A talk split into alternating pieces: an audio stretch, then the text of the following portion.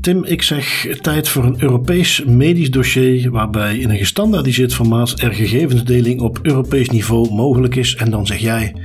Hartaanval. Kunnen ze dat Europees medisch dossier meteen gaan gebruiken? Het is uh, aangekondigd, de Europese Commissie wil dat gaan doen. Hallo en welkom bij Das Privé, jouw wekelijkse privacy podcast. Iedere aflevering praten we hierbij over het reilen en zeilen in de wereld van privacy. Digitale spionage, boetes, datalekken, nieuwe technologie, privacy tools, oftewel alles dat er in een week gebeurt in privacyland.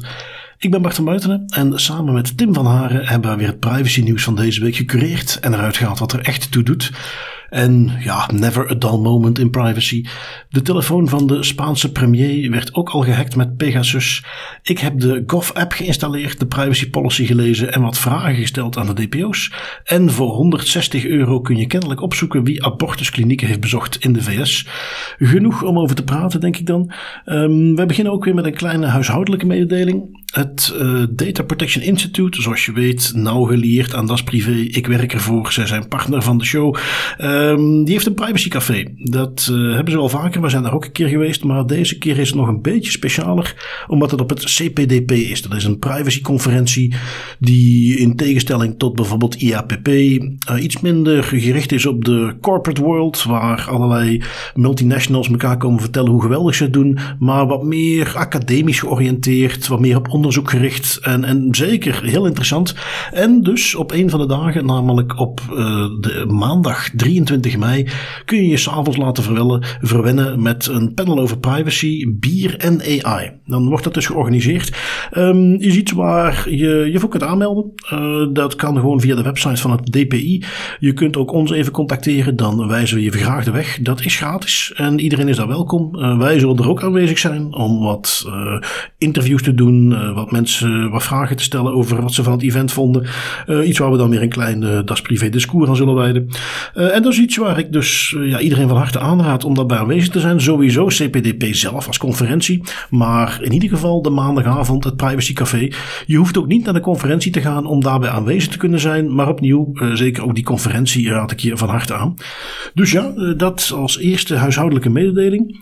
Ik heb ook nog een klein beetje follow-up, Tim. Uh, jij weet nog dat ik, uh, naar aanleiding van het artikeltje over de steden, de tien steden die in Vlaanderen met het antifraude-platform van Graydon hebben gewerkt, uh, of zouden gaan werken, pilootproject aangekondigd door de minister. Dus ja, dan doen wij wat wij doen. Wij sturen openbaarheid van, verzuur, van uh, openbaarheid van bestuur verzoekjes. Ik heb het naar alle tien die steden gestuurd. Ik heb ze nog niet allemaal binnen. Dus dan gaan er een paar uh, een reminder krijgen van... hey, jullie hebben de tijd overstreden. En mogelijk ga ik weer contact moeten zoeken met de beroepscommissie. Maar waarschijnlijk weet ik al wat eruit gaat komen. Want de antwoorden die ik wel heb gehad... ja, die zijn eigenlijk... Ja, stiekem verwacht je dat wel. Maar aan de andere kant verbaasde me toch weer. Zij hebben niet teruggekoppeld van ja, maar wij hebben helemaal geen DPIA uitgevoerd en daar hebben we niet naar gekeken, dus we kunnen je wat dat betreft niks vertellen. Um, nee, sterker nog, ze hebben gewoon gezegd van ja, dat is een leuke aankondiging van de minister, maar uh, wij zijn hier helemaal niet mee bezig. Uh, dat is een keer vermeld. We hebben gezegd dat we wel interesse. En ergens eind mei is er een demo van dat platform, maar er is nog helemaal geen beslissing genomen en we weten dus helemaal niet of we hier überhaupt aan mee gaan doen. Um, ze noemen dat zelf, een aantal van de brieven die ik kreeg, noemen ze dat aankondigingspolitiek. Um, ja, dus daar viel voor ons nu nog even weinig te rapen. In die zin dat uh, die gemeenten of steden dus ook zeker niet verkeerd bezig zijn. Ze zijn gewoon nog helemaal niet bezig met dat project.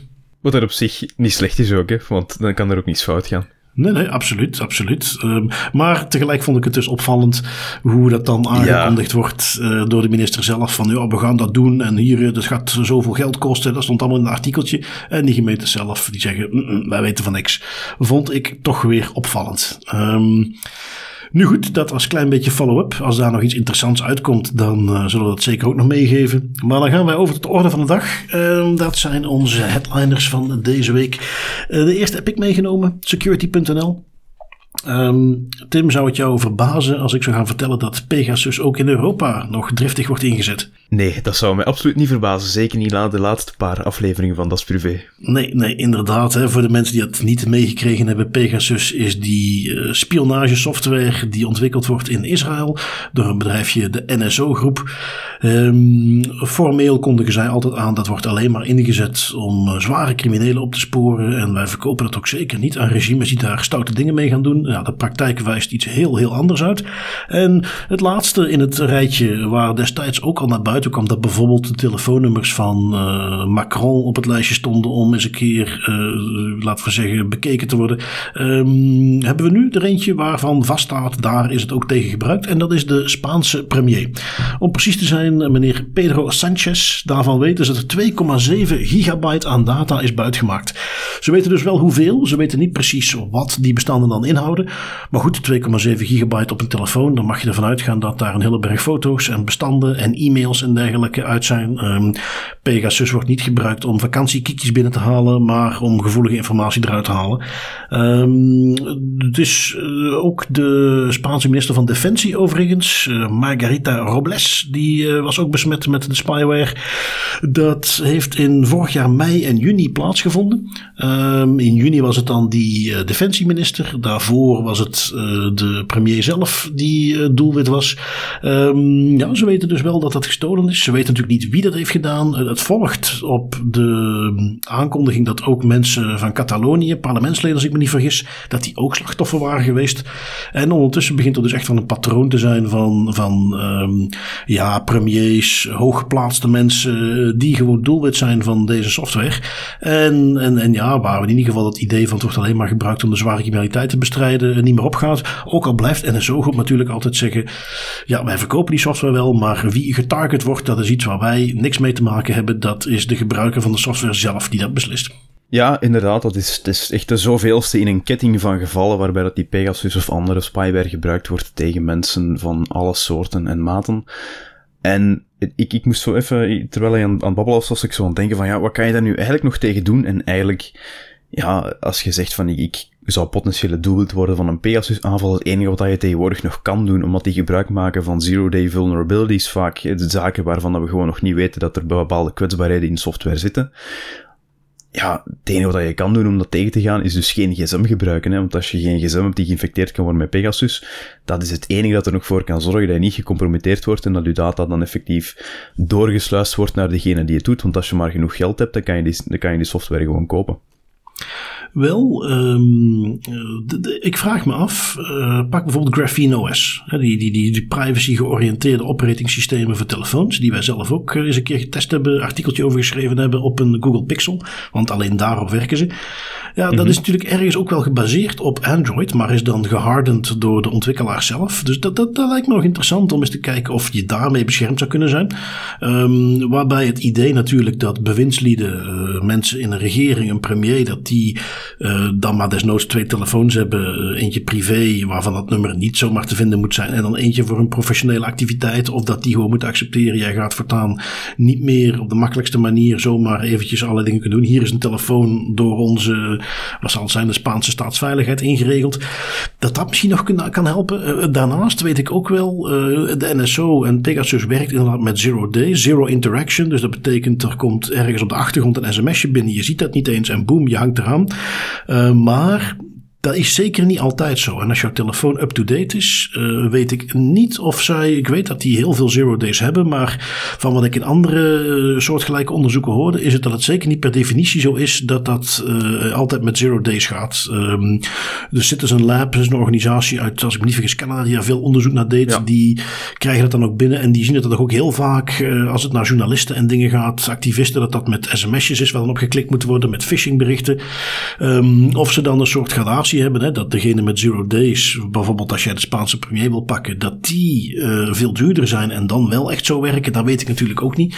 Dus de, dat is wel moeilijk in te schatten. Ik, ik denk zeker ja, goh, nou ja, dan kom je op het punt, als ze inderdaad die speciale varianten bewaren voor de mensen die genoeg betalen, Um, dan, ben ik, dan moet je wel eens gaan denken, ja, wie, wie heeft interesse om de Spaanse premier af te luisteren? Um, want één ding wat ik ook wel eens, volgens mij was ergens op Twitter of zo voorbij zag komen, is van ja, we moeten ook niet vergeten dat de Europese inlichtingendiensten elkaar ook gewoon in de gaten houden. Um, en het is dus niet uit te sluiten, omdat we bij Pegasus snel zeggen van ja, dat is een of ander fout regime wat erachter zit. Maar het is zeker niet uit te sluiten dat ook gewoon een van de Europese machten gebruik maakt van Pegasus en besloot om de Spaanse premiers af te luisteren.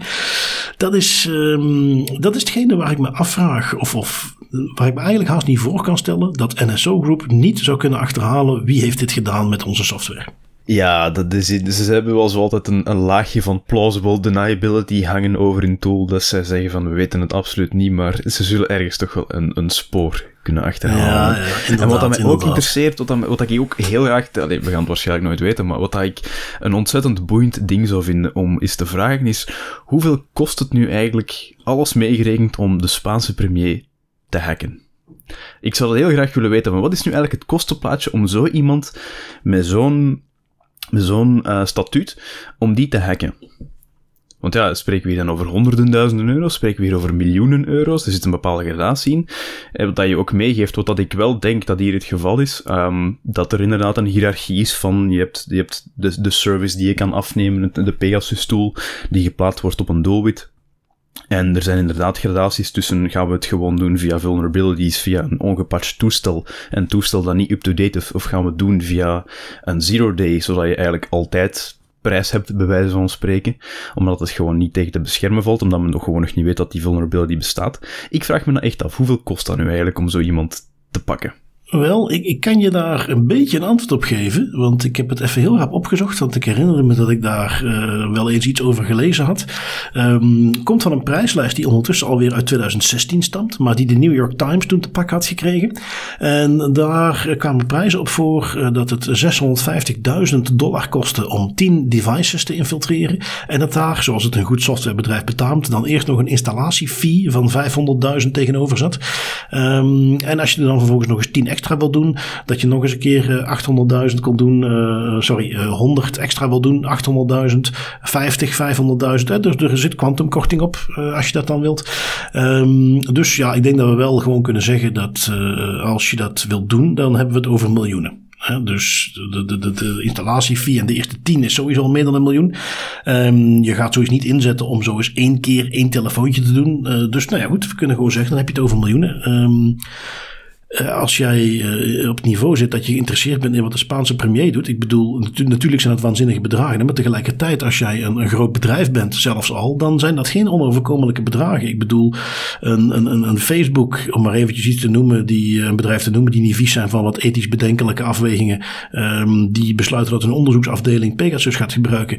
En die daar eventjes 20 miljoen voor opzij zetten. Ja, dat is een schijntje natuurlijk. En vervolgens hebben ze toegang tot uh, 500 journalisten die allemaal boze artikelen over Facebook willen schrijven. Dus ja, zo ondenkbaar is het niet. En de schaal waarmee naar buiten komt, hoe vaak die software gebruikt wordt, dat geeft ook wel aan. Uh, ga tegen NSO Group maar eens vertellen van jongens, jullie inkomstenstroom van honderden en honderden miljoenen, uh, ja, dat mag niet meer. Die gaan dat niet uit zichzelf doen. Nee, nee, dat, dat, dat, denk ik ook niet. Dat zou ook niet zo goed zijn voor een reputatie op de markt. Maar het is, ja, het, het, het klopt wat je zegt, hè. Zo een, een pak nu ruim geschat een paar miljoen om een aantal hooggeplaatste politiekers van een land te hacken en daar data over te extraheren. Uh, exfiltreren eerder dat is niet zo heel veel voor een heleboel organisaties en instellingen. Hè. Dat is voor de, voor de gemiddelde man, ja, voor ons is dat heel veel. Dat is pakken met geld. Nee, nee, nee, absoluut. En, en ja, goed, het zijn tijden van inflatie, hè, dus uh, het zal nog wel eens omhoog gegaan zijn. Nu goed, uh, je hoeft niet altijd miljoenen uit te geven om mensen te kunnen gaan tracken en toegang te krijgen tot hun uh, locatie. jij hebt er eentje meegenomen, um, ja, die natuurlijk heel actueel is. komt uit vice.com over het aankopen van locatiegegevens en in de specifieke context waarin Amerika nu zit, was dit extra gevoelig. Ja, ja, inderdaad. Het gaat eigenlijk specifiek over het aankopen van uh, locatiegegevens van mensen die een abortuskliniek bezoeken. En um, ja, het is zo, we hebben het al heel vaak meegenomen, data die gedeeld wordt met derde partijen, die verkocht wordt aan databrokers. Maar wat we eigenlijk af en toe eens missen in dat hele plaatje is, wat is er nu eigenlijk concreet het gevolg van? Oké, zo wat dat die data naar een third party gaat of naar een, uh, naar een databroker. En dat is eigenlijk exact waar dit artikeltje over gaat. Het artikeltje gaat over SafeGraph, uh, wat een databroker is die locatiegegevens van allemaal verschillende soorten applicaties op je mobile phone verzamelt. Bijvoorbeeld een weerapp of een zaklamp-app die voor de een of andere reden je locatiedata ook moet hebben, mental health data apps en zo. Uh, die die data dan ook delen met third parties. En wat dat SafeGraph als als organisatie, als bedrijf doet, is zij herverpakken alle verzamelde data van verschillende punten locatiedata vooral, met andere interessante data die ze van andere plekken hebben verzameld. En ze verkopen die verzameling als een, als een product of als een dienst. En een van die producten van SafeGrab, dat heet Patterns. En Patterns biedt data aan van mensen die vestigingen van bepaalde merken bezoeken op regelmatige basis. En daar loopt het een beetje scheef, want vreemd genoeg eh, zegt, dat, zegt SafeGraph dat um, een organisatie zoals Plant Parenthood ook een merk is. En Planned Parenthood, voor de mensen die dat niet weten wat dat is, dat is eigenlijk een Amerikaanse non-profit die onder andere reproductieve gezondheidszorg aanbiedt, waaronder ook abortussen. Het gevolg is dat je, als jij gewoon een klant bent van SafeGraph en iedereen kan klant zijn van die databroker, dan kan je voor een ampere 160 US dollar een week aan locatiegegevens kopen van mensen die op regelmatige basis een abortuskliniek bezochten. Dan kan je dus effectief zien hoe vaak dat mensen die kliniek bezoeken, hoe lang ze daar blijven, waar dat ze vandaan komen en waar dat ze potentieel nog meer heen gaan. Dat voor 160 dollar, wat dat echt peanuts is, zelfs voor ons. En kijk, op zich, het feit dat je dat kan doen, is in mijn ogen al een best een heel gevoelig gegeven. Maar wat dat nog extra schrijnend maakt, is dat dit eigenlijk ja, door een negatieve evolutie van de Amerikaanse politieke houding tegenover abortussen die nu speelt, ronduit gevaarlijk wordt voor de mensen die een abortus laten plegen in Amerika. Want, opnieuw, voor de mensen die daar ook niet in mee zijn, uh, er is recent een ontwerpadvies gelekt van het Amerikaanse Hooggerechtshof om het befaamde Roe versus Wade beslissing te herroepen. Uh, als dat herroepen zou worden, dat betekent dat er in 13 staten een volledig of gedeeltelijk verbod komt op het plegen van een abortus, dat dat effectief illegaal wordt en dat daar straffen op gaan staan. En ja, als je dan natuurlijk voor 160 euro of voor 160 dollar eerder gewoon kan zien wie dat er allemaal naar een abortuskliniek gaat binnen een week tijd, ja, daar kunnen wel eens negatieve gevolgen aan verbonden zitten. Dat is ook iets dat het, dat het artikel nog meegeeft. Dat vond ik wel een heel mooie quote. Um, SafeGraph is going to be the weapon of choice for anti-choice radicals attempting to target out-of-state clinics providing medical care. Wat ze er eigenlijk mee willen zeggen is, wel ja, je hebt die 13 staten waar dus geen abortussen meer gepleegd kunnen worden. Wat gaan mensen doen die een abortus nodig hebben? Die gaan gewoon naar een staat in de buurt waar dat, dat wel nog mogelijk is. Natuurlijk heb je een aantal gekkies die daar niet mee kunnen lachen en die dan natuurlijk heel graag willen dat die mensen getarget worden. Door het verkopen van die data, door die databroker die die data verkoopt, wordt het wel heel gemakkelijk om zo'n mensen te gaan doxen. Dus je ziet, gewoon al omdat het, het politiek klimaat in de maatschappij evolueert, wordt data die aan zich al gevoelig was, plotseling ook nog veel gevoeliger en veel gevaarlijker. Ja, ja, ja. En, en, ook toepasselijk in die zin, Roe versus Wade is ook een zaak die in Amerika ook wordt gezien als een zaak die om privacy gaat. Want daar, als je privacy in de brede zin pakt, het recht om met rust gelaten te worden. En het is ook de redenering die het Hooggerechtshof destijds volgde om mee te gaan. Uh, Roe is overigens, je kent John Doe wel. Roe, dat komt van Jane, uh, Jane Doe, Jane Roe. eigenlijk heette die dame Norma McCovey, geloof ik. En daar werd dus gezegd van, ja kijk, de, de, de, de vrijheid om daar een keuze in te maken, dat past in dat recht op privacy, zoals dat kort wel eens uitleggen, het recht om met rust gelaten te worden. En dat dus de staat daar niks mee te maken heeft wat je in je eigen persoonlijke levensfeer doet. Leuk voorbeeldje ook weer, als je nog wel eens in de discussie zit van ja, wat is nou het verschil tussen gegevensbescherming en privacy? Want dit is een voorbeeldje van privacy met een veel bredere context dan puur GDPR gegevensbescherming. Maar dat is al niet min natuurlijk ontzettend belangrijk. En eh, ja, voor 160 dollar zijn die gegevens te krijgen. De bedenking die ik me net dan even maakte, en dat is iets wat ik eigenlijk wel eens even zou willen doen, is kijken eh, in, ook op welke mate ze daar beperkingen in zetten. Dit komt niet vanuit Amerika. Hè. Wij hebben nu al de laatste afleveringen meerdere keren, want dit is dit, goed, je hebt nu SafeGraph. De vorige keer hadden we geloof ik uh, uh, Anomaly 6 of zo heten ze, uh, in wat we een van de vorige afleveringen besproken hadden. Ook weer zo'n toeltje wat niks anders deed dan uit allerlei bronnen locatiegegevens verzamelen. hier was dan de crux bij dat toeltje dat dat real-time was bijna. Hier is het eerder gewoon retrospectief dat gaan bekijken. Maar in ieder geval, wat ik eens wil proberen, wij gaan er ook eens 160 dollar voor vrijmaken. En ik ga eens kijken hoeveel gegevens ik uit België of Nederland kan kopen. En, en wat voor brands ze daar hebben en wat voor iets ik daar uh, kan terugvinden. Om gewoon eens te zien, want dan zitten we dus, we zeggen nu altijd wel thank god voor GDPR. En dat is ook absoluut zo in deze context. Maar in hoeverre beperkt het dat soort bedrijven om die gegevens gewoon alsnog te verzamelen? Want die gegevens komen uit allerlei appjes die mensen installeren. En die appjes die worden ook in Europa geïnstalleerd. Dus daar gaat ook gewoon die, ja. die GPS van teruggestuurd worden. Daar ben ik nog wel benieuwd naar. Dat gaan we eens doen. Dat, lijkt me wel een hele goede oefening, want dat is, ook het, dat is ook een beetje de boodschap die ik hier wil meebrengen als ik het over dat artikel heb, is ja, het, feit dat er dus nu heel gemakkelijk en voor een relatief goedkope bedrag gegevens te vinden zijn over mensen die een abortus moeten plegen en dat dat door het politiek klimaat, klimaat uh, wel eens slecht kan uitpakken voor die mensen, omdat dat door, door de verkeerde personen misbruikt gaat worden of tegen hun gebruikt gaat worden, is één ding. Maar dit gaat ook veel breder, hè, want dit gaat eigenlijk, ja, we hebben het soms wel eens dat we vallen over bepaalde applicaties die heel breed data gaan delen of die heel breed data gaan exporteren naar databrokers, etc.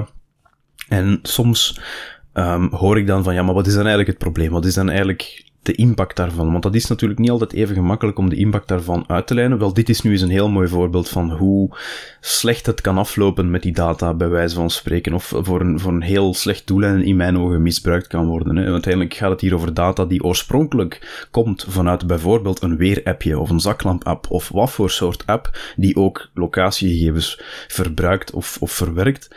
En die die dan ook deelt met third-party brokers. En die third-party brokers die plakken dat allemaal samen en die verkopen dat en mensen doen ermee wat ze willen. En dat vind ik vooral gevaarlijk. Ja. ja, het is geen waar wij het al vaker nog over hebben en waar wij ook keer op keer alle initiatieven in vraag zullen blijven stellen. Uh, wat vandaag inderdaad relatief onschuldig is, is dat morgen misschien niet meer. Je weet dat niet en daarom moet je iedere keer als men weer extra gegevens wilt gaan verzamelen, als je uh, wil uitbreiden wat je bijhoudt over mensen, dat dit is de hoofdreden waarom dat principe van data minimalisatie erin zit. Als je het niet nodig hebt, gaan we het dus niet verzamelen.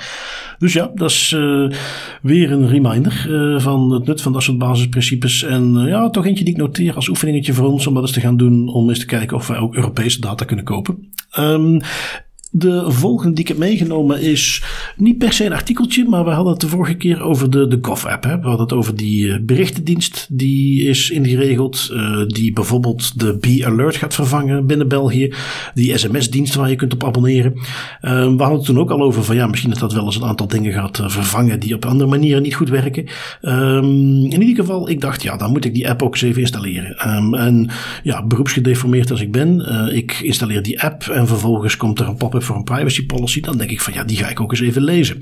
Um, ja, wat zie ik daar vervolgens voorbij komen? Dat er bijvoorbeeld gebruik wordt gemaakt van de diensten van Google Firebase. Uh, zonder er helemaal op in te gaan wat Google Firebase is, maar het is iets wat in ongeveer 60% van de Android-apps wordt dat gebruikt. Het is een platform wat Google aanbiedt waarop je heel makkelijk apps kunt ontwikkelen, waar zijn een aantal klassieke dingen die je anders zelf moet gaan organiseren, zoals databases of authenticatie, login-processen, uh, die worden allemaal gewoon aangeboden. En jij moet je daar alleen maar bezighouden met het ontwikkelen van de app. Als ontwikkelaar, heel interessant, naar privacy perspectief perspectieven ja, kun je daar vragen bij stellen. En dat is dan ook wat ik gedaan heb. Uh, ik zag, zoals het netjes hoort, die privacy policy was in die zin heel transparant. Dus ik vond daar ook de e-mailadressen van de DPO's meervoud. Want zowel Smalls, een, een laten we zeggen softwareontwikkel IT-bedrijfje, maar dan een VZW gekoppeld aan de overheid, die heeft hier aan meegewerkt. Um, en uh, Digitaal Vlaanderen heeft hier ook aan meegewerkt. Dus die beide DPO's stonden daar beschikbaar. Dus ik heb daar een mailtje heen gestuurd. Ik heb daar wat, wat vragen gesteld. Um, Um, dat kwam bij die DPO's terecht. Uh, ja, een dag later word ik opgebeld door Frank Robbe. Uh, zoals je weet, hoofd van de KSZ, ook hoofd van Smals. Um, niet om mij eens eventjes uh, flink uit te schelden hoe lastig ik wel niet ben en dat ik daar niet mee bemoeien. Integendeel, om gewoon eventjes als leidend ambtenaar zelf uitleg te geven over van kijk, dit is hoe we ernaar gekeken hebben. En dat alleen vind ik al netjes. Ik bedoel, de, dat hoeft die persoon, dat hoeft Frank Robbe helemaal niet zelf te doen. maar dat heeft hij wel gedaan. En ik heb er dus met hem over gesproken over hoe ze dat ingeregeld hebben, welke afwegingen ze gemaakt hebben, waarom ze inderdaad met Google Firebase zijn gaan werken. Ook de achtergrond een beetje. Iets wat, ja, kijk, wat de achtergrond ook is op zich, als er privacy schendingen zouden zijn, dan hoeft dat niet uit te maken. Maar bijvoorbeeld in de context ook van het rondsturen van uh, berichtjes voor de afspraken van uh, je COVID-testing, je QR-code link, uh, de B-alert. Nou ja, in COVID-tijden aardig wat van dat soort sms'jes. En blijkt dat je daar dus, als je van die diensten gebruik maakt om die sms te laten versturen, ja, dan ben je dus miljoenen kwijt. Um, soms waren die berichten bijna 10 cent per sms. Ja, zeker de afgelopen jaren zijn er zo heel veel verstuurd. Dus het was ten eerste een gigantische kostenpost. Is iets waar ze naar zijn gaan kijken, hoe kunnen we dat efficiënter doen. Um, en dat is het stukje waar ze van Google gebruik maken, de uh, Firebase Communication en Messaging functies die daarin zitten. En um, goed, lang verhaal kort. Uh, men heeft data-minimalisatie heel netjes doorgevoerd. Het is te zeggen, Google gaat nooit toegang krijgen tot iets van een telefoonnummer of de inhoud van de berichten. Die gaan enkel een installatie-ID hebben, wat je hebt geïnstalleerd. Waar zij um, ja, alle maatregelen hebben genomen die ze kunnen nemen om ervoor te zorgen dat dat het enige is wat Google krijgt. En zonder dat ik zelf die app technisch helemaal heb geanalyseerd, uh, de uitleg die ik daarover kreeg, ja, daar vond ik uh, eigenlijk privacy by design goed toegepast. Um, goed, het principe dat je daar als overheid vervolgens miljoenen mee bespaart, vind ik ook niet slecht. Um, wat ik ook wel leuk vond, wat ik meekreeg, en dat is ook niet altijd met uh, aanbestedingen als dat extern wordt gelegd, een evidentie, is dat uh, één week sms'jes, de kosten die daarmee gepaard gaan, ja, zoveel kostte deze app. Men heeft er ook naar gekeken, bijvoorbeeld de e-box die al bestaat voor de overheden. Um, zoals jij en ik ook weten, die wordt bijna niet gebruikt. Wel, het doel is om dit een beetje te gaan, uh, in ieder geval te ondersteunen, die berichtgeving. Um, de sms'je die ze versturen, dat is natuurlijk ook maar een sms'je. Daar passen, wat is het, 160 karakters in, uh, in één sms'je. Daarna moet je er alweer een extra sturen. Daar kan niks van linkjes in, daar kan natuurlijk niks van een plaatje in. De berichten die nu verstuurd kunnen worden in die app, dat is gewoon HTML. Dus dat kun je ook aanzienlijk toegankelijker maken. En ja, ik, ik moet zeggen... Um, uh, ik, ik, was enigszins sceptisch toen ik uh, daar die mailtjes heen stuurde. Ik dacht van nou, Google Firebase, deze ga je me toch eens uit moeten leggen. Um, en ik uh, hing de telefoon vervolgens op en ik dacht oké, hier, hier kan ik mee leven. Dit, dit, dit vertrouw ik. Hier vind ik dat men daar goed naar gekeken heeft. En ik heb die app nog steeds op staan. is iets wat iedereen voor zich moet weten. En ik weet zeker ook dat er mensen gaan zijn die zeggen van ja, maar er is dus ergens toch een ID wat naar Google gestuurd wordt. Ook al hebben ze voor de rest geen toegang tot die berichten. Ook al zijn die end-to-end encrypted. En uh, daar mag je zeker een keuze in maken om te zeggen: ik ga dat niet doen. Maar uh, ik heb besloten dat ik die app gewoon blijf gebruiken. En dat ik dat een, als men dan toch als overheid met mij wilt kunnen communiceren en mij berichtjes door wilt kunnen sturen, dan vind ik dat dit de manier hoe het moet. En dat viel mij reuze mee. Ja, en het, het fantastische aan dit verhaal is ook vooral wat een effect dat privacy by design kan hebben. Eh, op, op, Oké, wij zijn wel heel, heel zwaar beroepsgedeformeerde consumenten, laten we het zo zeggen. Eh, wij zijn heel sceptisch tegenover dat soort zaken. Maar ook naar de gemiddelde burger toe, die er misschien wat vragen over heeft, of die zo denkt van, oké, ja, wat gebeurt er allemaal en waar moet er een app van de overheid op mijn gsm komen? Als je dat op die manier uitlegt, privacy by design, je, je zet dat allemaal goed in elkaar. Daar vloeit zeer weinig naar Google zelf. Er vloeit zeer weinig of niks eigenlijk naar de overheid zelf. Het is gewoon een berichtenapp ja, dan, dan, wek je toch wel meteen vertrouwen op bij, bij je consument of bij je klant. Wat dat iets is dat, denk ik, nog veel te vaak vergeten wordt als we het hebben over het ontwikkelen van bepaalde initiatieven, is dat privacy by design is niet alleen iets om in lijn te zijn met een regelgeving of in lijn te zijn met een wetgeving, maar dat is ook echt een tool, dat is een, een gereedschapskist die je kan gaan hanteren om het vertrouwen van je consumenten of van je gebruikers te winnen. Op een heel efficiënte manier. Want zoals je zelf zegt, allee, uh, alleen al het feit dat het ontwikkelen van deze tool, inclusief alle privacy by design elementen, evenveel kosten als één berichtje sturen op alvast één week tijd. Ja, sorry, maar dat is ook gewoon puur financieel een droom. Hè? Dat is iets fantastisch. Ja. Dus ik vind het een, ik vind het een heel, heel leuk uh, ding. Eerst en vooral dat Frank Robben zelf heeft gebeld. En ten tweede vind ik het ook gewoon heel mooi dat het zo helder en duidelijk kan uitgelegd worden. Van ja, sorry jongens, maar hier zijn eigenlijk heel weinig dingen om nog sceptisch over te zijn. Ja, ja, ja. Ik, ik vond het ook tekenend dat inderdaad iemand op dat niveau nog uh, in, in zoveel detail heel goed weet wat daar uh, mee gebeurt. Voilà, dat, alleen dat al.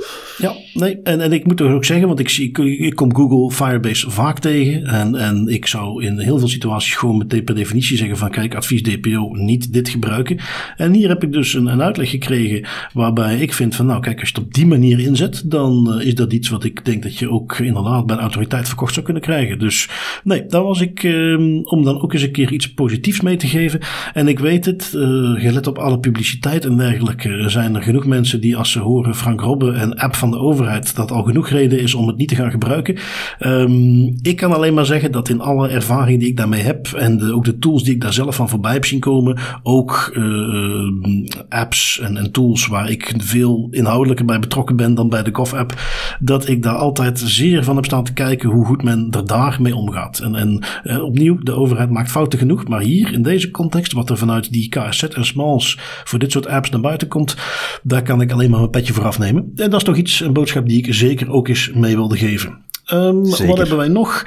Um, ehm, VPN-apps, uh, eh, toch iets wat wij zelf ook veel gebruiken. Maar als ik jouw artikeltje waar jij hebt meegenomen, Tim, van PC Mag, moet geloven, dan is het in India misschien geen goed idee meer. Nee, ze zijn daar een, eh, een, paar rare dingen aan het doen in India, moet ik zeggen. Uh, daar zijn namelijk recent, recent regels aangekondigd, waardoor dat organisaties een aantal nieuwe verplichtingen opgericht krijgen in het kader van de cyberveiligheid van het land. Een van de eerste verplichtingen die ik al meteen heel frappant vond, was het feit dat nu allerlei soorten cyberincidenten, en dat zijn bijvoorbeeld netwerkscans, phishing aanvallen, datalekken, DDoS aanvallen, uh, malafide mobile apps, ongeautoriseerde toegang tot social media omgeving. Allee, de lijst gaat heel ver. Die moeten nu allemaal binnen de zes uur gemeld worden bij het Indiaanse Computer Emergency Response Team, het CERT. Nu Bart, zes uur, wat denk jij daarvan? Haalbaar? Uh, ik denk dat we al vaak nog aanbotsen tegen die 72 uur die in de GDPR staat.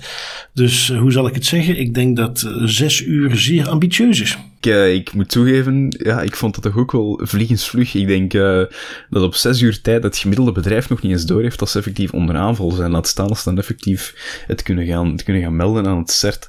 Maar wat, de India is heel ambitieus daarin en ze zeggen, het moet het allemaal vanaf nu 6 uur, binnen de 6 uur melden. Maar goed, dat, dat was een zijsprongetje waar het eigenlijk echt over gaat, is um, IT-bedrijven, waaronder ook VPN-providers helaas, die worden namelijk verplicht om vijf jaar lang klantgegevens bij te houden. En dan gaat het over een gecontroleerde, geverifieerde naam, een adres en contactgegevens van de klant van een VPN-dienst, de reden voor het afnemen van de dienst, en de IP-adressen waar de klant gebruik van maakt tijdens het gebruik van de VPN-dienst en het originele IP-adres waarmee hij de dienst afneemt. Kortweg gezegd, die VPN is op dat moment waardeloos. Toch, als het gaat over het waarborgen van de privacy en het zo goed als onzichtbaar zijn op het web, hè, voor, voor de mensen die niet weten wat een VPN is. Um, een VPN is eigenlijk een manier om onzichtbaar over het web heen te manoeuvreren. En om, je eigenlijk toegang krijgen tot het internet via een tussenverbinding via die VPN, waardoor dat het niet jouw IP-adres is dat bijvoorbeeld naar een bepaalde website gaat en dat zichtbaar is voor die website, maar bijvoorbeeld een IP-adres uit China of Rusland of Frankrijk, whatever, maakt niet uit. Het nadeel is, als je dus effectief aan een bedrijf verplicht om uw origineel IP-adres bij te houden en uw IP-adres bij te houden, of alle IP-adressen bij te houden die jij gebruikt tijdens het gebruik van je VPN-dienst, ja, dan heeft die VPN-dienst eigenlijk heel weinig nut, want dan kan je niet meer anoniem of zo goed als anoniem over het web gaan surfen, want iedereen kan gewoon dan aan dat bedrijf, aan dat VPN-bedrijf gaan vragen, wie is Tim van Haren, hebben jullie daar contact mee en welke VPN-diensten gebruikt die? Dus dan wordt het een vrij waardeloos ding.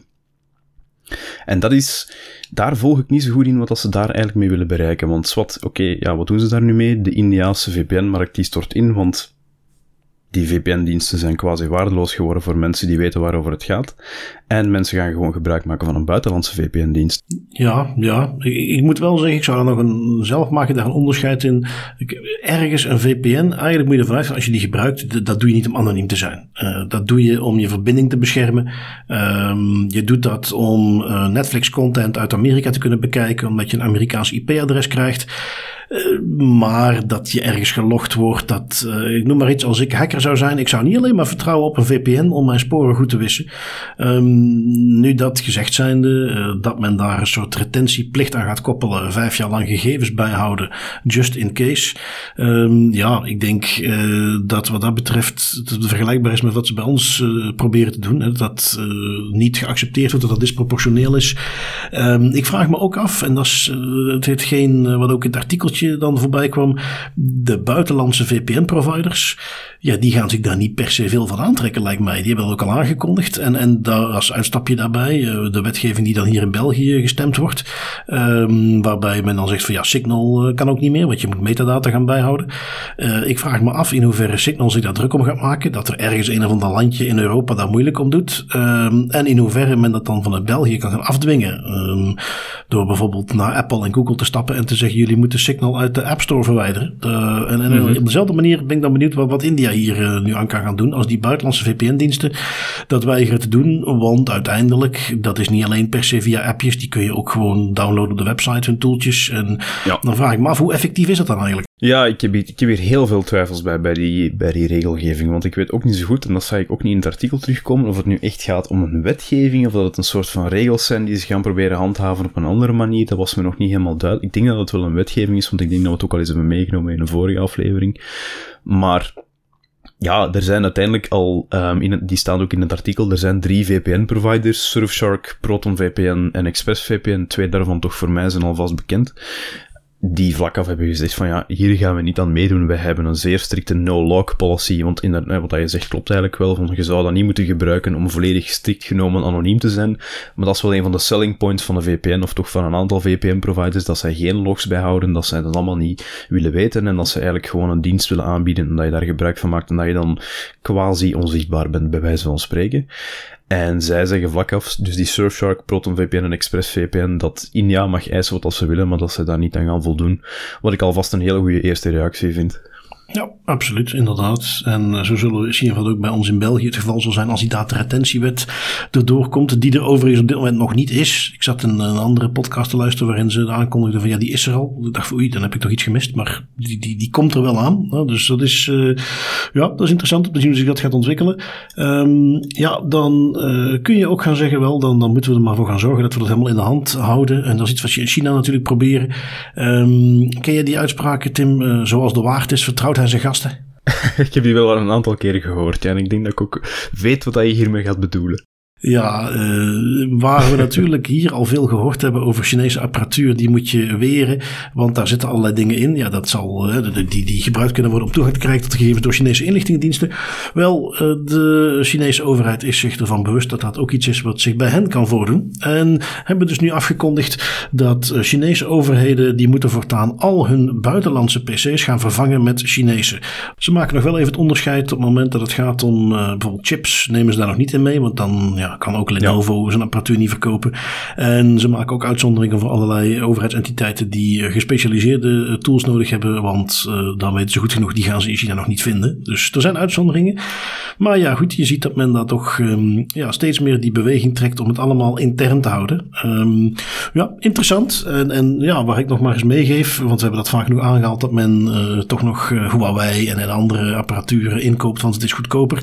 Als men vanuit China zelf al door heeft, daar moeten we geen zin in hebben. Um, zou dat toch een, een, hint moeten zijn dat wij omgekeerd daar toch ook eens heel goed over na moeten denken. Um, ik denk het. Voordat we zoiets zelf gaan doen. Um, in ieder geval, wat hebben we nog? Uh, jij hebt een appje meegenomen. Een appje Zen uh, is toch iets wat te maken heeft met uh, mental health, AI, webcam die gebruikt wordt.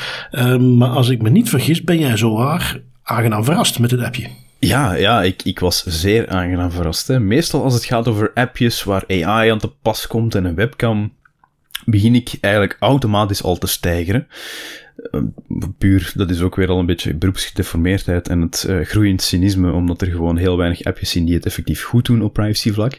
Een beetje een knee-jerk reactie van, oh ja, wat gaan we hier nu weer krijgen? Maar toen ik dan het artikel van TechCrunch begon te lezen over die app, Zen, um, was ik inderdaad aangenaam verrast. Wat Zen eigenlijk is, is Zen is um, een appje dat door middel van een webcam en daar AI op los te laten om de beelden die ze dan via uw webcam uh, kunnen bekijken. Dat moet eigenlijk kantoormedewerkers helpen om hun zithouding te verbeteren. Dus dat is eigenlijk specifiek ontwikkeld om ervoor te zorgen dat je altijd een goed postuur hebt, dat je goed recht zit op je stoel en dat je dan dus eigenlijk minder rugklachten en zo zou krijgen in de toekomst. Nobel doel, denk ik dan, maar op zich, uh, ik zie daar appje, webcam en AI staan, dus ik echt zoiets van, oh no, here we go. En dat dachten de journalisten van TechCrunch ook. Dus die zijn dat gewoon vlak af gaan vragen aan zijn van zeg jongens, uh, hoe zit het hier nu eigenlijk? Want jullie zijn de zoveelste app die met een webcam van alles gaat verzamelen en we zijn het allemaal een beetje beu. Kunnen jullie ons een beetje meer uitleg geven? En uh, ik vond de uitleg van Zen eigenlijk best interessant en mooi, want wat Zen zelf zegt is wij hebben een privacy-centric approach vanaf de grond af opgebouwd, altijd al in het achterhoofd gehouden. En tot daar dacht ik nog van ja, oké, dit is marketingpraat, maar dan kwamen ze me effectief de, de reële voorbeelden van wat dat nu, hoe dat het er nu eigenlijk uitziet, zo'n privacy-centric approach. Terug een beetje dat privacy by design verhaal naar boven komt. En ja, er zaten wel een aantal mooie dingen in. Eerst en vooral De volledige app wordt open source ontwikkeld. Dus dat vind ik al zeker een heel toffe, want dan kan iedereen ook effectief hun claims verifiëren van of dat iets al dan niet privacyvriendelijk is. Uh, ten tweede, de AI draait volledig lokaal en verwerkt ook de input van je webcam lokaal. Dus die gaat gewoon lokaal op basis van je zithouding bepalen of dat je rechter moet zitten en u een kleine notificatie sturen of niet. Je hebt er zelfs geen internetverbinding voor nodig. Je kan dat volledig offline gebruiken, die tool. Um, er worden, omdat je dat dus ook kan verifiëren, geen beelden bijgehouden of gestreamd naar een cloud. Dus dat gebeurt absoluut niet. Um, en het enige, want dat was natuurlijk een vrees dat ook de, de journalisten van TechCrunch naar boven haalden van ja, oké, dat is een appje, vooral in een office context nuttig, gaat dat er dan ook niet voor zorgen dat bijvoorbeeld uw baas kan meekijken of je wel achter uw stoel, achter uw bureau zit of niet. Het enige wat dan een beheerder van een bedrijf dat, dat gebruik maakt van zijn account kan zien, is of dat een bepaald, een is eerlijk het aantal gebruikers dat zich registreert en dat wekelijks gebruik maakt van de app. Dus dat is ook gewoon een cijfer dat eigenlijk heel weinig zegt over de performantie van een medewerker of niet. Dus ook daar is er eigenlijk heel weinig surveillance. Um, genoeg dus om te zien of dat de app gebruikt wordt, maar niet genoeg om te zien of dat iemand, of, dat je iemand kan gaan lastigvallen met paranoïde micromanagement. En ik moet toegeven, Bart, ik vond dat ik vond dat een klein beetje zielzuiverend. Om toch te zien van, oké, hier hebben we een appje. En mijn knee-jerk reactie is, allee, hier gaan we weer. En dan begin je daar door te lezen. Je ziet die privacy by design principes terugkomen. En je denkt, ja, oké, zo kan het ook. Dus dat vond ik een heel mooie. Ja, absoluut. Ik, kan alleen maar zeggen, uh, ik wou dat dat zo vaker toegepast werd. Uh, wel vanuit de werkgever zeggen van kijk, hier hebben we iets, dat helpt jullie. En vervolgens een appje dat daar dan geen misbruik van maakt, geen gegevens doorstuurt, niks monitort. Het, het kan echt. Um, ja, wat kan ik er nog van zeggen? Zo zien we het graag. En als we dit soort voorbeeldjes tegenkomen, willen we dat dus ook zeker meenemen in de podcast. Het gebeurt gewoon niet zo heel erg vaak. Nee, inderdaad. Maar vanuit het idee van als het goed is, dan moet het zeker gezegd worden, nemen we dat graag mee. Ja, inderdaad. Kan ik me alleen maar bij aansluiten. Tim, ik zeg tijd voor een Europees medisch dossier waarbij in een gestandaardiseerd formaat er gegevensdeling op Europees niveau mogelijk is. En dan zeg jij... Hartaanval. Kunnen ze dat Europees medisch dossier meteen gaan gebruiken? het is uh, aangekondigd. De Europese Commissie wil dat gaan doen. Um, en ja, zoals ik het al een beetje aangaf, het idee is uh, dat soort gegevens kunnen gaan bijhouden in een gestandaardiseerd formaat, zodat die op Europees niveau veel makkelijker uitgewisseld kunnen worden, voornamelijk ook tussen hulpverleners. Het idee is ook om dat te beschikbaar te gaan stellen voor onderzoek, eh, wetenschappers, maar ook het bedrijfsleven okay. die daar uh, toegang toe zou kunnen krijgen. Uh, controle ligt volledig bij de gebruiker uh, of dat wel of niet kan. En de gegevensdeling zou ook alleen maar gebeuren op basis van anonieme gegevens. Dus wel gegevens verzamelen om daar onderzoek naar te kunnen doen, maar dat niet op een individuele manier gaan verstrekken. En de bedrijven die toegang gaan krijgen tot die omgeving waar ze die data kunnen gebruiken, die moeten ook een vergunning daarvoor hebben. Um, dus ja, um, mijn eerste bedenkingen. Ja, kijk, Helland vlak ten top. Uh, vandaag is het een, een, een, dossier waar toestemming bij de gebruiker zit. Moet het wel gaan delen.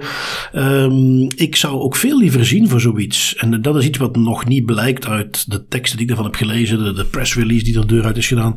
Maar dat men bijvoorbeeld meer met een soort uh, kruispuntbanksysteem werkt. Zoals we dat in België kennen. En daar heb je ook hubs binnen de ziekenhuiswereld. Daar is het niet zo dat dan gecentraliseerd al die gegevens opgeslagen zitten. Maar eerder dat er gewoon een centrale hub is waar je kunt uh, aanvragen, ik wil de gegevens van die persoon. En het enige wat die eh, hub bijhoudt is van, ah, dan moet je bij de gegevens van dat en dat ziekenhuis zijn. En die stuurt jou door en dan moet je daar weer inloggen om daar toegang toe te krijgen. Dus die, zijn, die gegevens zijn niet allemaal gecentraliseerd, die blijven decentraal staan. Er is gewoon een soort uh, centraal telefoonboek waarin staat van wie je wat waar kunt vinden. En dan kun je daar die gegevens ophalen als je daar toegang toe hebt, als die persoon daar toestemming voor heeft gegeven. Dat zou ik hier ook liever zien. Het idee dat het allemaal gecentraliseerd is, hoe men dat ook netjes gaat afschermen en doen, dan, dan ja, dat, kan niet de bedoeling zijn. Single point of failure, als het daar dan ooit fout gaat, heb je meteen de gegevens van alle Europeanen. Dus dat is iets wat ik daar heel graag in terug zou zien.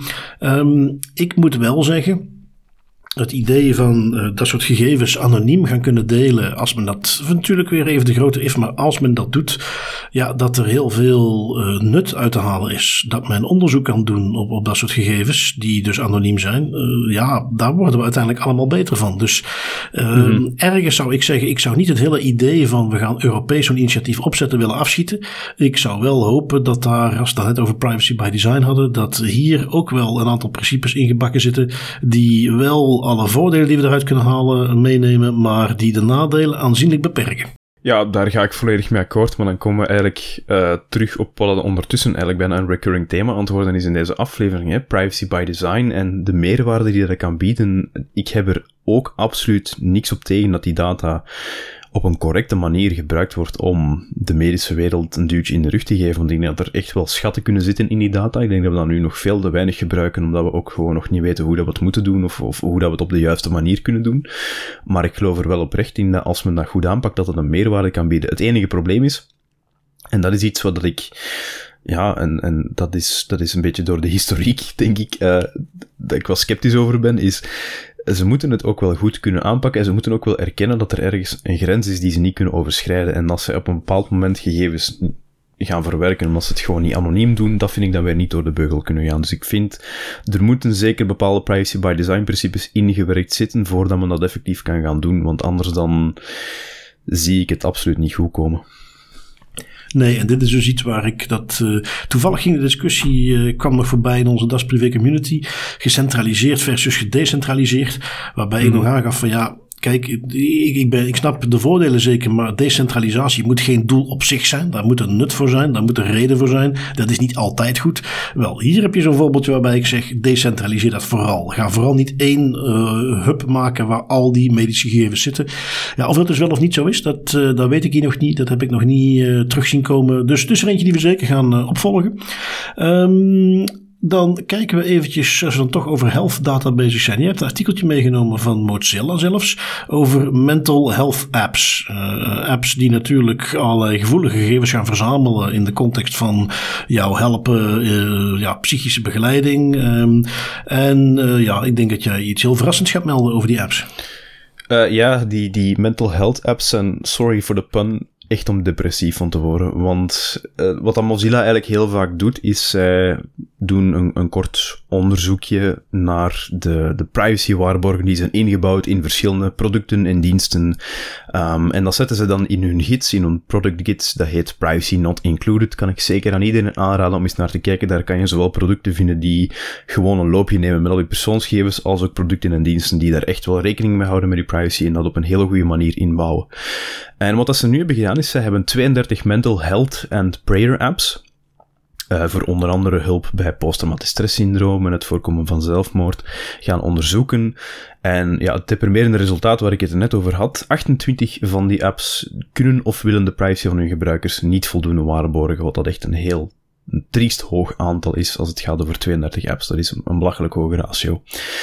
Um, kort gezegd, Mozilla zegt daar eigenlijk van die 28 apps zijn er heel veel die, om het in, hun woorden even te citeren, um, they operate like data sucking machines with a mental health app veneer. Dus die, dat zijn eigenlijk gewoon applicaties eh, waar we het net al over hadden, die heel veel persoonsgegevens uit hun gebruikers zuigen. Nota bene heel veel gevoelige persoonsgegevens, omdat het hier over een mental health context gaat en vaak ogenschijnlijk bedoeld is om die mensen te helpen.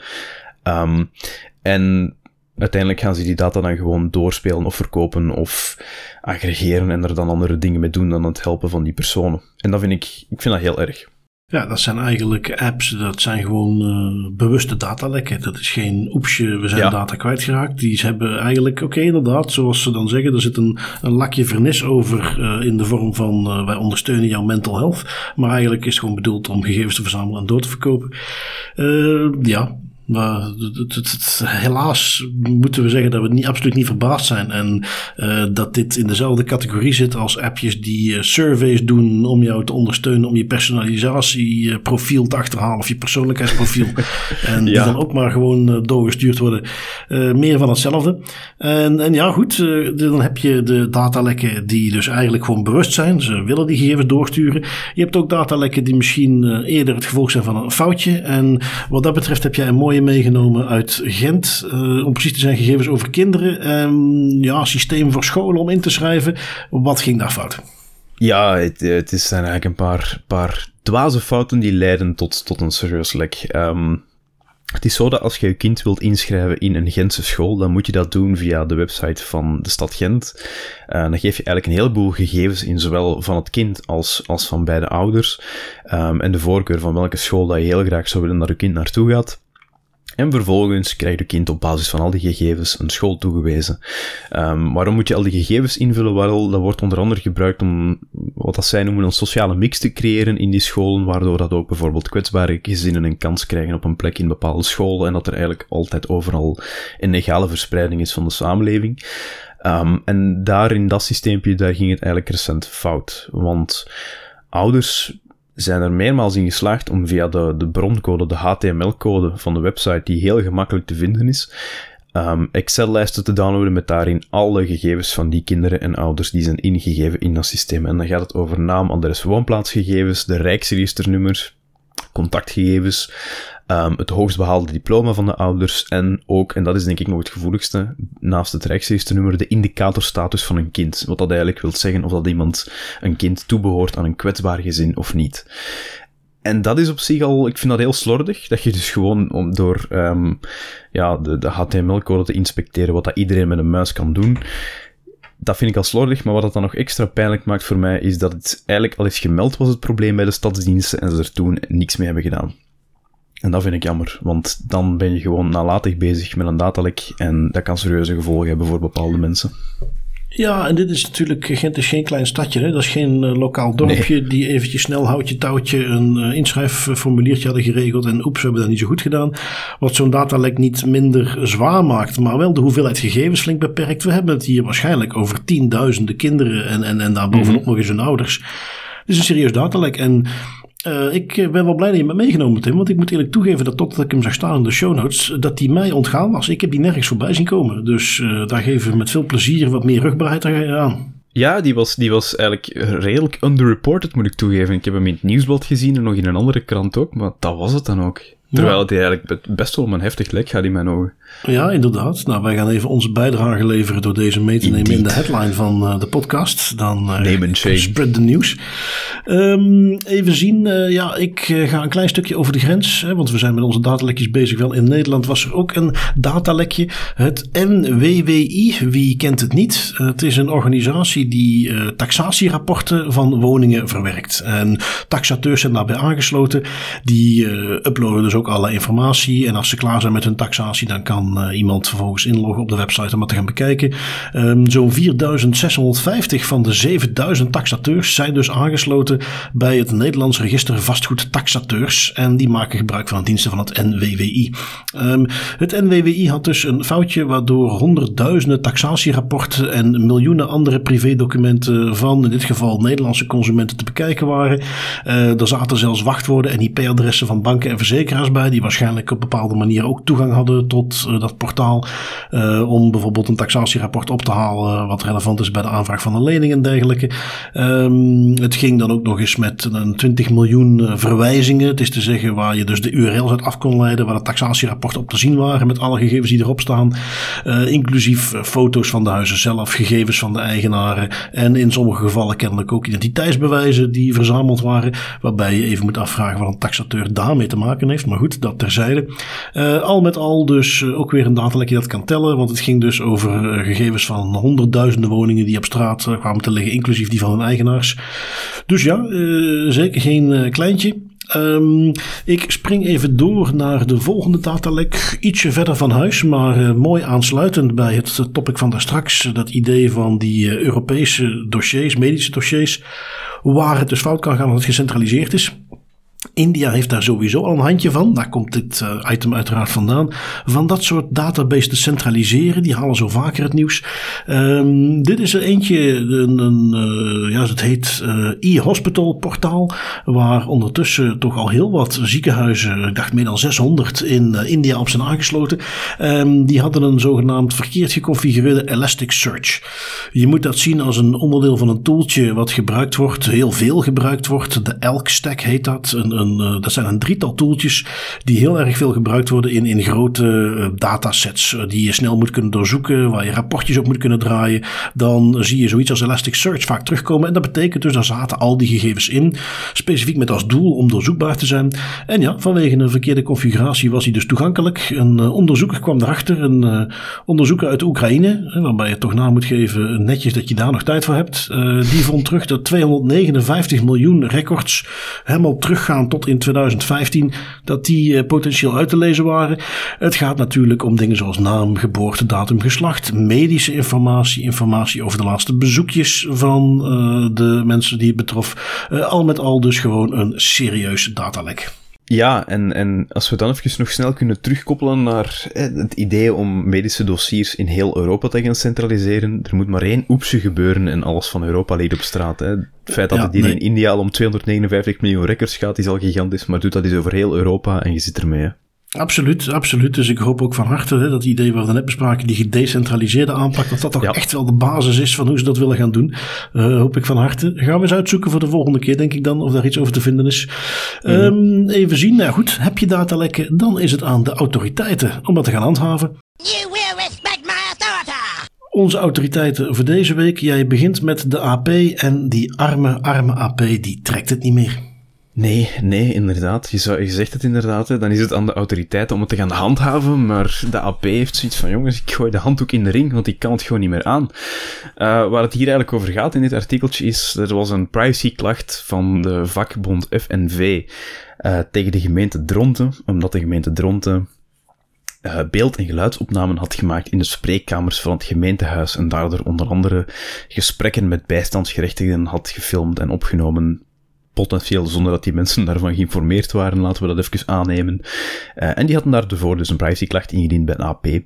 Maar de AP, dat is trouwens al de derde op rij, zegt nu gewoon simpelweg, sorry jongens, wij hebben geen tijd en we gaan de klacht uh, helemaal niet behandelen en we gaan die moeten laten vervallen, want ja, wij hebben te weinig middelen en te weinig manschappen zeggen ze. En dat vind ik, ik vind dat, ik vind dat een heel gevaarlijke, want je hebt het eigenlijk heel mooi gezegd in de introductie van autoriteiten. Het zijn autoriteiten die de wetgeving moeten gaan handhaven. Zonder handhaving is een wetgeving maar een vodje papier waar niemand naar luistert. Ja, nee, nee, absoluut. En, en kijk, uh, dat idee van zogenaamde opportunity cost, van oké, dit is een klacht, maar als we die moeten gaan uitzoeken en waar we er um, aan overhouden, dat staat niet in verhouding. Dat kennen we in België ook. Hè. Je hebt het CEPO-beleid, je hebt uh, de redenen waarom de autoriteit kan zeggen, uh, we gaan dit niet onderzoeken. En daar zit dus zoiets in, om het even heel cru te zeggen, daar zitten natuurlijk wat nuances in, maar wat er eigenlijk op neerkomt van luisteren, dit is zo'n klein inbreukje, dit is gewoon niet, hier gaan we geen resources in stoppen, we hebben andere katjes te geestelen. Dat vind ik hier dus echt niet gelden. Al is het maar omdat ten eerste overheid is. Uh, ja, die hebben een voorbeeldfunctie. Dus dan is het nog belangrijker om net daar wel naar te gaan kijken. Dit gaat om gevoelige gegevens. Dit gaat om een gevoelige context. Uh, ik vind dat uh, heel erg vreemd dat ze dat op deze manier aanpakken. Ik bedoel, er zijn toch andere zaken die je dan beter kunt seponeren dan deze. ik vond dat heel opvallend. ergens begin ik bijna het idee te krijgen dat de AP dit zelf gebruikt als een soort drukkingsmiddel om naar buiten toe aan te geven van hé, hey, ons is meer budget. Uh, zeker daarbij indachtig houden dat de AP, als het gaat om budget, eigenlijk een van de beter bedeelde autoriteiten in Europa is. Als je kijkt naar uh, hoe, de hoeveelheid zaken die ze uitwerken, hoeveelheid personeel die ze hebben, uh, en je zet dat af tegen het budget, dan zijn ze eigenlijk een van degenen die het beste doen. sorry, die het beste, meeste te besteden hebben en die het zeker niet het beste doen. Dus ja, vond ik een, een hele opvallende. Um, gaan we door naar de volgende, uh, wat dichter bij huis. De NMBS, uh, uiteraard uh, tegenhanger van de NS in Nederland, onze nationale spoorwegen. Die hebben een boete gekregen. 10.000 euro voor het versturen van direct marketing. direct marketing mail naar miljoenen, wel maar één keer. de marketing mail had ook geen uitschrijflink. En ja, dan krijg je 10.000 euro boete. Um, valt jou iets op, Tim? Eigenlijk niet ik moet toegeven dat ik, het, dat ik het niet zie. Ik weet dat je ergens naartoe wilt gaan zoeken, maar er valt mij oh, niet Nou, nee, niks, niks al te specifiek. Ik had het misschien anders moeten stellen, maar dat is toch gewoon een waanzinnig lage boete? Oh ja, dat bedoel Ja, eigenlijk wel. Zeker voor wat het uiteindelijk een echt basic, basic foutje is. In 2022 geen uitschrijflink in uw mail, in uw marketing e-mail zetten. Sorry, maar dat is... Ja, dat, is een, precies. dat is gewoon een domme, dat is een domme fout. Ik kan het niet anders benoemen, dat is een domme fout. Ja, Inderdaad, en, en de, trouwens, eh, een klein beetje innovatie uh, was hier ook bij betrokken. Dit werd aangemeld bij, de, bij de, de, um, onze GBA via Twitter. waarbij, na dat binnengekregen te hebben, de inspectiedienst besloot op eigen initiatief: oké, hier gaan we een onderzoek in naar doen. En toen kwamen ze hier dus op uit. In de beslissing zelf, ook een klein stukje innovatie, zitten op het einde ook screenshots van de, de mails die gestuurd werden om het te onderbouwen. Dus hey, we gaan vooruit. het wordt interessanter. Um, ik moet ook zeggen, als dat via Twitter kan, nou dan dan ga ik ook wel eens wat vaker hun nog eens een keer taggen voor wat onderzoekjes. Ik zie het net zeggen, dat doe je eigenlijk al af en toe. Hè? Want jij, doet dat, jij bent vooral actief op Twitter en dan, is dat, dan zie ik soms zo dat je zo de, de GBA meetagt als er iets misgaat. En dan denk ik, kom aan GBA, attack. Ja, waarbij ik dan altijd benieuwd ben, want dan zie je naar de hand voorbij komen dat ze er inderdaad naar gaan kijken en brieven verstuurd hebben. En dan denk ik soms wel eens, goh, is dat nu omdat ik dat tweetje heb gestuurd? Maar eerlijkheid gebied me te zeggen, waarschijnlijk hadden ze dat ook echt wel ergens anders opgepikt. Daar hebben ze mij niet voor nodig. Um, maar ja, die boete is heel erg laag. Het enige wat ik me kan bedenken is dat wat er ook in meespeelde, is dat ze hier de NMBS, wat dat doen ze normaal niet, dat ze de NMBS wel met naam en toenaam hebben genoemd. Waarbij ze ook al meegaven van ja, eigenlijk als wij deze casus goed willen kunnen bespreken in de boetebesluit, en dat moet wel, en die publiceren we, kunnen we niet anders, want dit anonimiseren, dat gaat dan eigenlijk bijna niet, omdat we gaan verwijzen naar dingen die onherroepelijk te herleiden zijn tot de NMBS.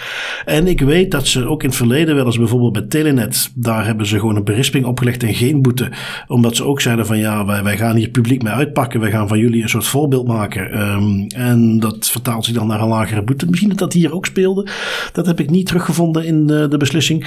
Um, maar zoals iemand op LinkedIn heel uh, snugger opmerkte van ja, waarschijnlijk alleen al de e-mail credits bij een toeltje zoals Mailchimp, wat ze niet mogen gebruiken natuurlijk, want Amerikaans, maar goed, stel je voor, uh, waren al duurder om al die mails te versturen. Dus dat zijn ook al vele. ja, je zou bijna als privébedrijf kunnen zeggen, weet je wat, die afweging kunnen we maken. Wij negeren gewoon even die wetgeving, wij knallen gewoon ja. die mails de deur uit en die boete nemen we er gewoon even bij, cost of doing business. Dus in die zin, de afschrikwekkende werking van een boete miste ik toch een beetje.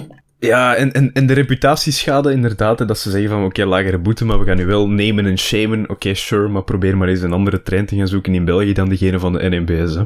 Ja, inderdaad. En qua reputatie valt dat toch wel te bestrijden of dit nog heel veel impact gaat hebben. Um, inderdaad. Maar goed, uh, ik denk dus dat dat nog voornamelijk de afweging was. Uh, wat hebben we nog? Of ja, wat heb jij nog meegenomen? Eentje uit het verre Noorwegen, waar een gemeente weer een oepsje had gedaan. Ja, die hebben, een, die hebben toch wel een klein oepsje gedaan. Die hebben daarvoor een boete gekregen van 30.000 euro. Het ging hier over een document dat zij gepubliceerd hebben, dan 21 bijlagen. Uh, en van 10 van die 21 bijlagen, daarin zaten confidentiële persoonsgegevens van studenten. Waaronder uh, de namen, geboortedatum, resultaten van examens, um, evaluaties van die student zijn of haar uh, gedrag op school en uitdagingen waar dat die persoon mee, mee. Dus vooral die laatste paar kun je wel aanvoelen dat dat soms wel eens gevoelig kan zijn. Uh, en dus was dus absoluut niet de bedoeling dat die bijlagen er ook mee in zaten. Wat was er nu eigenlijk gebeurd? Dat document passeerde eigenlijk langs drie manuele kwaliteitschecks voordat dat gepubliceerd werd. En in geen enkele van die drie heeft er iemand aan de alarmbel getrokken en zich afgevraagd waarom er 10 van die 21 bijlagen bomvol met confidentiële gegevens van studenten zaten. En daar kon de Noorse DPA begrijpelijk niet mee lachen en hebben ze moeten vaststellen dat de, dat de Noorse gemeente geen, of onvoldoende eerder moet ik zeggen, technische en organisatorische maatregelen had genomen om dat proces te beveiligen. En dat het, um, het lek dat zij hebben veroorzaakt, dat het eigenlijk niet door hunzelf werd gedetecteerd, maar uiteindelijk door een, een derde, een journalist namelijk, die hen daarop attent maakt. En daarvoor krijgen ze 30.000 euro. Oké, nou ja, lijkt me gepast. Um, op deze manier daarmee om te gaan. Um, en ja, voor de rest ook inderdaad weer een, een, werking van uh, afschrikking. En toch eens goed nakijken als je zoiets wilt gaan doen. Um, wat hebben wij tenslotte nog? Ik uh, vond dat wij op de community kwam er deze week een leuke privacyvraag voorbij. Um, Willy stelde zich de vraag uh, rond screening van werknemers. Um, concreet, uh, jij gaat ergens solliciteren en dan is daar vaak wel eens een, een screening onderdeel van. Dat kan gaan van een, een, ja, goh, een vragenlijstje tot kijken of je de juiste diploma's hebt, tot misschien zelfs een, een referentieonderzoekje bij oud-werkgevers. dat kan ook aanzienlijk verder gaan. jij ik hebben allebei wel eens een keer een onderzoek laten doen waar wij zelfs gescreend zijn door staatsveiligheid voor een klant waar wij werkten. Um, afhankelijk van waar je gaat zitten, kan dat dus wel verder gaan. En kan dat dus ook prima dat men daar een heel gedegen onderzoek doet. Maar dan moet dat wettelijk onderbouwd zijn. En de vraag was dus van ja, hoe ver kun je daarin gaan als werkgever? Er werd heel wat op en neer gepingpongd. Um, maar misschien om het tot de kern te beperken. Uh, de klassieker dingen zoals uittreksel strafregister kan alleen maar gevraagd worden als de wet daar uh, je verplicht als om dat te doen. Ik geef les op een hogeschool. Wel, dan moet ik uh, zo'n uittreksel strafregister meegeven om te zien dat ik geen zedendeliquent ben. Lijkt me heel logisch. In andere contexten, als je in de beveiligingssector gaat werken, dan gaat dat ook gevraagd worden. Nu, dan is dat dus wettelijk verplicht en dan mag dat. In andere contexten mag dat niet. Dus je mag niet zomaar uittreksel strafregister gaan vragen. Dat geldt ook voor allerlei andere gevoelige gegevens. Als we het dan hebben over screening en je gaat mensen vragen of ze zwanger zijn, is ook al lang bekend dat dat niet mag. we hebben natuurlijk al genoeg discussie gehad over de vraag rond vaccinatiestatus. Alles daarbuiten, um, ja, is het een kwestie van nuances. Is het vooral als je verder wilt gaan in screenings en je gaat ook bepaalde testen laten doen, even heel theoretisch, je zou kunnen zeggen een privédetectieve inhuren om vervolgens onderzoek te gaan doen aan de achtergrond van iemand. Dat is heel erg vergaand. Um, maar, en even voor de duidelijkheid, dat moet transparant zijn. In veel gevallen gaat ook een sollicitant daar dus wel gewoon toestemming voor moeten geven. Maar het kan wel. Um, daar vind ik het belangrijk om nog even mee te geven. Het moet proportioneel zijn. Stel nu, ik krijg een sollicitant zover dat hij toestemming geeft voor een onderzoek door een privédetectieve. Maar het gaat om een medewerker die bijvoorbeeld uh, moest gaan werken voor Das Privé. Wij gaan adviezen geven rond uh, privacy. Ja, dan is het totaal niet relevant dat ik zo'n onderzoek heb laten uitvoeren. Dat is buitenproportioneel. Dus zelfs al zou die persoon daar toestemming voor gegeven hebben, dat is niet de bedoeling. Um, en dat, dat is waar we eigenlijk een beetje op uitkwamen. Dus je hebt een aantal specifieke situaties waar je wettelijk toegestaan of wettelijk verplicht zelfs dingen moet opvragen. Die gevoelig zijn, dan mag dat. Um, en in de meeste andere situaties vooropgesteld dat je daar transparant over bent en in veel situaties ook toestemming gaat vragen, um, hangt het er een beetje vanaf. En dan zie je in een hele gevoelige context, uh, pak een ASML, nieuwe chip ontwerpen en je wilt zeker weten dat de personen die je gaat aanstellen niet makkelijk omgekocht kunnen worden om eventjes uh, IP uh, vrij te geven, mag je daar best een grondige screening in doen, maar het moet proportioneel zijn. Um, ja, goed, dat als, als simpel antwoord. Um, belangrijkste daar is, zit je in een concrete casus dat je eh, als werkgever dat soort screenings wilt gaan doen. Dit lijkt me gevoelig genoeg en belangrijk genoeg dat je moet zorgen dat je daar misschien eventjes fatsoenlijk advies voor inwint om daar een goede afweging te maken. Maar dat kan dus op zich best veel, uh, tot bepaalde grenzen. Um, even zien, zijn we toegekomen aan onze privacy pointers. En uh, als ik me niet vergis, Tim, jij hebt nog eens een boek meegenomen. Ja, ik heb nog eens een boek meegenomen. Het is mooi weer, je kunt het buiten zetten met een boek, dat is altijd plezant. Dus bij deze, The Codebook van Simon Singh.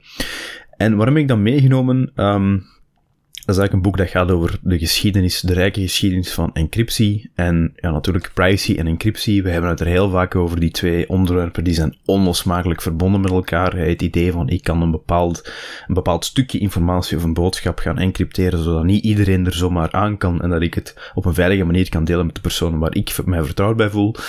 Dat is eigenlijk het basisidee van encryptie. Ja, dat, dat, dat voelde meteen aan, dat daar zit een hele goede invalshoek met privacy.